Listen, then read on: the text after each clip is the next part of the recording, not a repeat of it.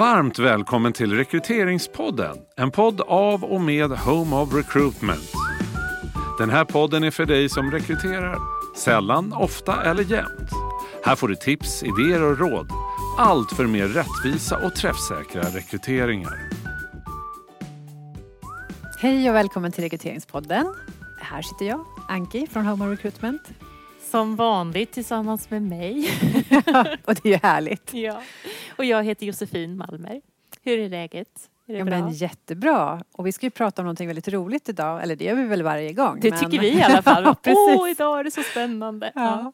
Men den här gången så ska vi prata om struktur. Hur kul är det egentligen? Ja, det, låter ju jättetråkigt när man säger det sådär. Eh, men jag tycker att det fortfarande finns en ganska så skev bild om vad rekrytering faktiskt handlar om. Inte bland rekryterare nödvändigtvis såklart utan nej, men generellt Mm. så. Mm. Att rekrytering skulle handla om god människokännedom och sådär. Eh, Men vi vet ju att A och O för att lyckas är ju faktiskt struktur, ordning och reda. Sant. Och jag, det vet ju du Anki, jag är ju inte liksom den mest strukturerade personen Nej. rätt upp och ner så. Men när det gäller att rekrytera så har jag själv lärt mig, ibland lite grann den hårda vägen, att det är just strukturen som gör att jag Oj, det rasar snö på taket här. det är just strukturen som gör att jag faktiskt kan längs vägen i rekryteringsarbetet vara liksom ja, men sådär som jag tycker att jag är när jag är lite härligt ostrukturerad. För jag vet att jag har en, en ledstång att hela tiden ta tag i om jag skulle vackla till lite grann. Så att jag kan vara personlig och jag kan vara eh, den jag är i exempelvis intervjun för att jag har en tydlig struktur att hålla mig till. Och jag kan, jag kan hela tiden liksom falla tillbaka till den. Så att även om jag inte är en strukturerad person rätt upp och ner så Mm. älskar jag min struktur när jag jobbar med rekrytering och skulle aldrig någonsin eh, vilja vara utan den. Så. Precis, och strukturen hjälper oss faktiskt att hantera magkänslan. Att hantera system 1 som vi har pratat om i andra avsnitt när vi Mm. pratar om just rekryteringsfällor. För att eh, vi, vi är ju människor. Vi är inte bättre än att vi faktiskt dras iväg. Det gör vi alla oavsett. Spelar ingen roll om vi intervjuat tusen personer så får vi en känsla ganska omgående när vi träffar en ny kandidat. Eller när vi ser ett CV. Eller en LinkedIn-profil. Eller en bild. Eller vad det nu kan vara. Mm. Så vi behöver strukturen. Så att, ja, berätta mer. Hur, hur, vad ska man tänka på eh, när det gäller strukturen? Och eh, vad, vad någonstans är eh, viktigt? Ja, Men som alltid tänker jag vi börjar i början eh, och då är det kravprofilen.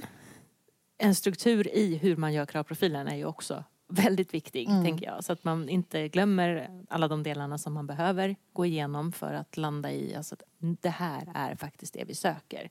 Där har ju vi en tydlig struktur och den utgår från vårt sätt att definiera vad det är att vara kompetent. När vi pratar om kompetens på Home of Recruitment så pratar vi om förmågan att omsätta. Omsätta är liksom nyckelordet, att omsätta eh, erfarenheter givetvis, vad man har gjort, eh, men också vad man kan, vad man har läst för utbildningar, kurser, vilka certifieringar man har och så vidare. Så att, eh, språk och, och system och alla de delarna. Så det är både vad man har gjort och vad man kan men också förmågan att omsätta sina personliga egenskaper och sin förmåga att lösa problem i framgångsrika beteenden. Alltså i, i eh, någonting som faktiskt funkar och som är rätt sätt i den aktuella rollen och i den kontext där man är. Mm. Alltså den miljön som man kliver in. Så att de rubrikerna har vi egentligen då i våran eh, kravprofilsmall. Där vi pratar om, vi går igenom alla de här Mm. Alla delarna. de olika delarna. Ja. Och den delen som jag upplever att man oftast är ganska ostrukturerad kring det är just de här personliga, eh, alltså de inneboende förutsättningarna. Mm. Personlighet och kapacitet. Mm. Där så är det väldigt, väldigt många som för övrigt har en ganska strukturerad approach till kravprofilen. Men när det kommer till personlighet då sitter man och rabblar upp en massa adjektiv. Ja, och sen så sitter man och bifaller varandra och nickar och hummar och tycker att det låter ju fantastiskt för allt det här vill man ju ha.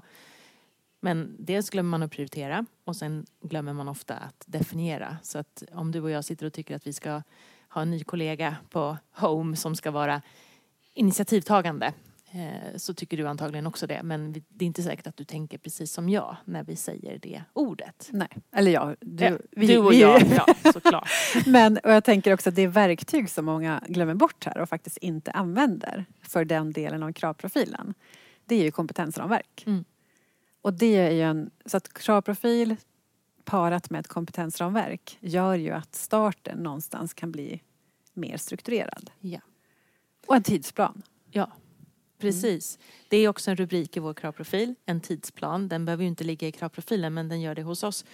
Kanske för att jag inte är så strukturerad så har vi lagt in den där. Men det handlar ju om att sätta upp den här, eh, det här projektet som rekrytering är. Vilka moment ska ingå? Okej, givet att det här är kravprofilen. Fokus är jättemycket på inneboende förutsättningar. Vi kommer behöva använda oss utav objektiva testverktyg tidigt i processen. När ska vi göra det? Hur lång tid ska kandidaterna på sig att fylla i de här? Och okej, när ska vi då tacka nej till de som inte har liksom, klarat gränsen som vi har satt upp? Vad händer därefter? Ja, men då blir det genomgång av urvalsfrågor exempelvis. Vem tittar på det? Vem ger återkoppling? Och sen och så vidare. Så att, eh, den strukturen är ju också jätte, jätteviktig för att kunna lyckas. Mm. Inte minst för att kunna lyckas behålla kandidaterna längs vägen eh, och att eh, ha en schysst kandidatupplevelse. Mm. Precis. Så att när man har då börjat så bra och strukturerat, för, och kompetensramverk kan jag bara flika in att är det någon som inte riktigt har koll på det så finns det ett annat avsnitt som handlar just om kompetensramverk. Och eh, hur man använder det och, och så vidare. Och det är ju inte minst viktigt just när det kommer till kravprofilen. Och det finns en, en uppsjö av kompetensramverk där ute som man kan använda sig av. Precis. Bland annat vårt. Bland annat vårt. Och är man nyfiken på just vårt så får man jättegärna höra av sig kan vi ja. också säga. Så kan vi sannolikt lösa det. Men efter kravprofilen då? Vad, och, och den här tidsplanen. Vad gör vi sen då? Kopplat till struktur, Anki? Ja men exakt. Och då, eh, vi hävdar ju att för att ha en strukturerad och rättvis och träffsäker, inte minst, process så kan vi inte per automatik ha samma process varje gång för olika rekryteringar till olika roller. Utan då handlar det om att faktiskt bestämma sig för hur ska den här processen nu se ut baserat på hur kravprofilen ser ut. Och då kan ju det vara lite olika. Men det som är A och O där handlar ju om att det som vi har prioriterat som väldigt viktigt för rollen ska vi försöka mäta så tidigt som möjligt och kunna utvärdera så tidigt som möjligt. Så att vi inte per automatik börjar utvärdera eller ta in CVs och titta på CVs men egentligen så är det personligheten som är helt avgörande. Så att eh, skapa en, krav, eh, en rekryteringsprocess som är baserad på kravprofilen och sen säkerställa att alla kandidater går igenom samma process. Och det spelar ingen roll om vi har interna kandidater vilket ju inte alls är ovanligt, särskilt när vi är ett större bolag. Eller om det är eh, externa. Alla ska gå igenom samma process. Mm. Annars blir det inte strukturerat. Mm. Så beroende då på vad kravprofilen säger och i vilken ordning vi därmed väljer att lägga våra metoder. Så det vi säger nu härnäst, det, det får man ju då, man får stoppa de pusselbitarna på rätt ställe helt enkelt. Men om vi börjar med urvalsfrågor exempelvis, mm. kopplat till struktur, vad ska man tänka på då?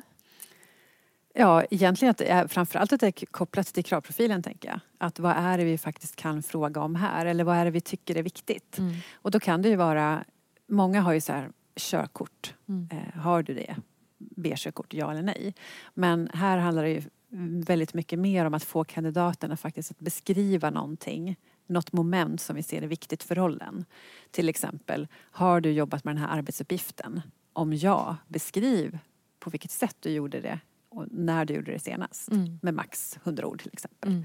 För det är då vi på ett strukturerat sätt låter kandidaterna lämna eh, sin information till oss. Så att den information vi då får av kandidaterna blir väldigt strukturerad. Det vill säga vi efterfrågar samma information från alla kandidater. Istället för att be dem bara skicka in ett CV som, vi, som kan se extremt olika ut, det vet vi ju. Eh, vi kanske också som många fortfarande gör, efterfrågar ett personligt brev. Och det finns ju ingen som helst struktur i någon av de delarna egentligen. Så att eh, därför så är ju urvalsfrågor ett bra sätt att skapa struktur i urvalet. Ja. Och då i bedömningen av urvalsfrågorna så använder vi givetvis vår kravprofil och vår definition av okej, okay, vad är det vi letar efter i beskrivningen av hur man har jobbat med de här arbetsuppgifterna eller i beskrivningen av hur man eh, bearbetar kunder eller ger service eller vad det nu är för mm. någonting. Så det är strukturen tänker mm. jag också. Att, att vi har ett bedömningsankare egentligen. Exakt. Och det är också ett sånt här ord som vi har eh, utvecklat eh, vår definition och beskrivning av i ett tidigare eh, poddavsnitt om man vill veta mer om bedömningsankare. Mm. För det följer ju med sen då om vi tar ett annat moment som kan finnas i den här strukturerade urvalsprocessen. Själva intervjun. Mm. Vad säger du där Anki? Vad är strukturen i intervjusituationen? Att intervjuguiden är framtagen baserad på kravprofilen återigen. Det låter som en liksom upprepande skiva här som har fått hack i sig. Men, eh, och att den samma frågor ställs till alla kandidater som intervjuas. Så att det, vi ska ju inte dra iväg och ställa olika frågor för olika kandidater för att de såklart har olika bakgrund. Utan vi ska använda samma huvudfrågor till alla kandidater. Och det är då det blir strukturerat. Det är då vi samlar in informationen på ett strukturerat sätt. Ja. Och här har vi också flera, förlåt, flera poddavsnitt. Eh, men det vi också kan nämna tänker jag det är att det handlar ju om en semistrukturerad intervju som vi förespråkar. Precis så som Anki, så som du säger, mm. att vi uppehåller oss kring samma områden. Vi vill täcka vi vill få, få in information om samma kompetenser. Mm. Om det så är projektledning eller att arbeta strukturerat eller att eh, ge service från alla kandidater. Exakt vilka frågor som krävs i situationen, mm. i intervjusituationen beror på kandidaten väldigt mycket ja. och de exempel som kandidaten kommer med. Så det måste få bli en semistrukturerad ja, intervju. Det vill säga inledande huvudfrågorna är samma men sen blir följdfrågorna lite varierande och hur många det blir och sådär. Precis. Och återigen då ett bedömningsankare. Exakt. Och det bedömningsankaret ska vi sedan använda för att det ska bli en strukturerad en struktur i bedömningen. Mm. Och hur brukar vi göra då? I bedömningen så sammanställer vi alla de här eh, informationsdelarna vi har fått. Mm. Eh, och jag tänker intervjun framförallt då till att börja med. ja, du tänker intervjun ja. specifikt. Där brukar vi ganska enkelt, får man väl säga, tänka att en, en hög bedömning, alltså en hög gradering av en kandidats intervjusvar hänger ihop med att han eller hon ger exempel på beteenden som låter som det vi har skrivit i definitionen. Mm.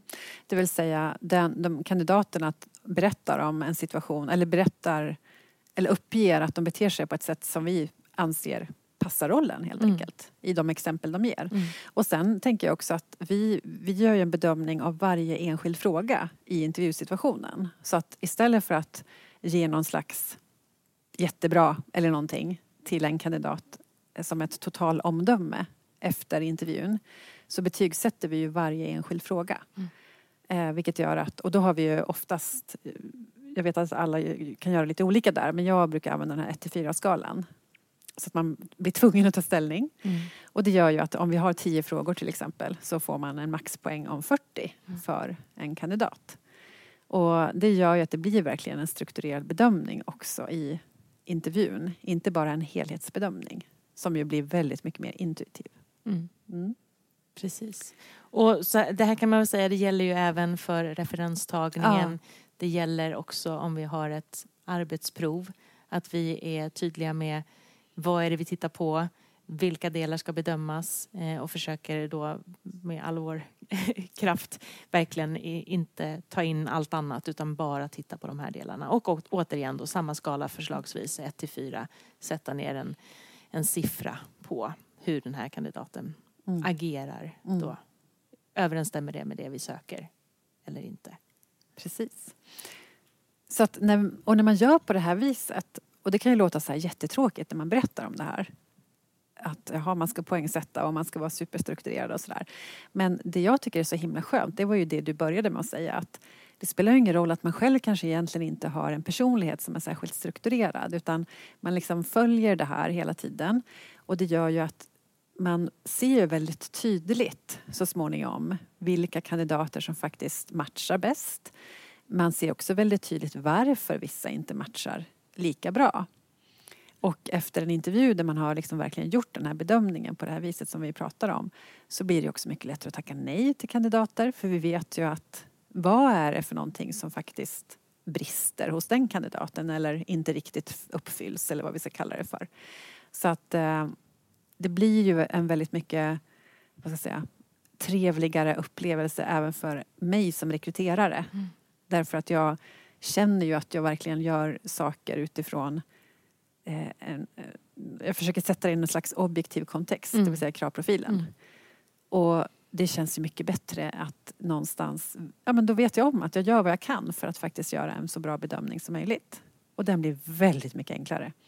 Och det här är ju också faktiskt det som våra kursdeltagare många gånger vittnar om att så här, ja, det låter kanske lite stolpigt och det känns kanske spontant lite yxigt och inte som jag. Men när de väl ger det en chans och mm. provar att exempelvis hålla då en strukturerad intervju på det här sättet kommer tillbaka och säger Wow, vad mycket relevant information jag fick. Mm.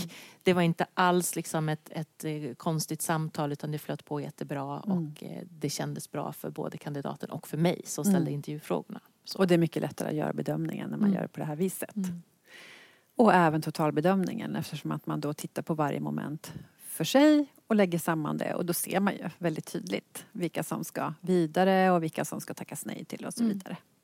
Så där har vi väl egentligen redogjort för alla, det, ja. finns ju, liksom, det här gäller ju alla moment i Tänk till före, eh, sätt strukturen, håll fast vid strukturen. Sen såklart, ibland får jag frågan så men vad händer om det händer någonting längs vägen? Ja, exakt. Vad händer om vi inte får in några kandidater som uppfyller någonting av det vi tänkte oss? Eller vad händer om vi får in kandidater som ser helt annorlunda ut än vad vi hade kunnat föreställa oss? Mm. Ja men då får man ju inte vara liksom, eh, rigid tänker jag mm. utan då får man ju anpassa och vara lite agil kanske snarare. Mm. Men, eh, Antingen att... ändra annonsen eller titta på ja. är det, behöver vi ändra i kravprofilen? Ja, precis. Vad är förutsättningarna? Mm.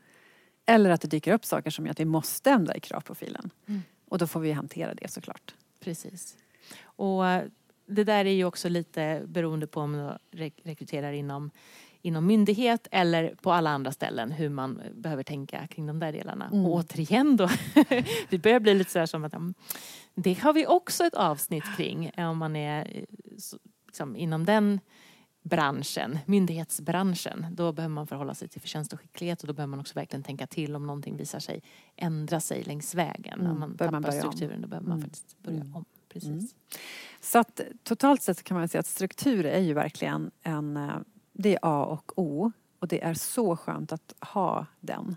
Så att eh, det kan tyckas lite att det tar tid och sådär i början. Ja, det gör det ju. Det tar lite längre tid kanske i början men man sparar ju den tiden verkligen under processen. När man väl har liksom bestämt sig och har alla mallar och allting då eh, går det ju väldigt mycket smidigare.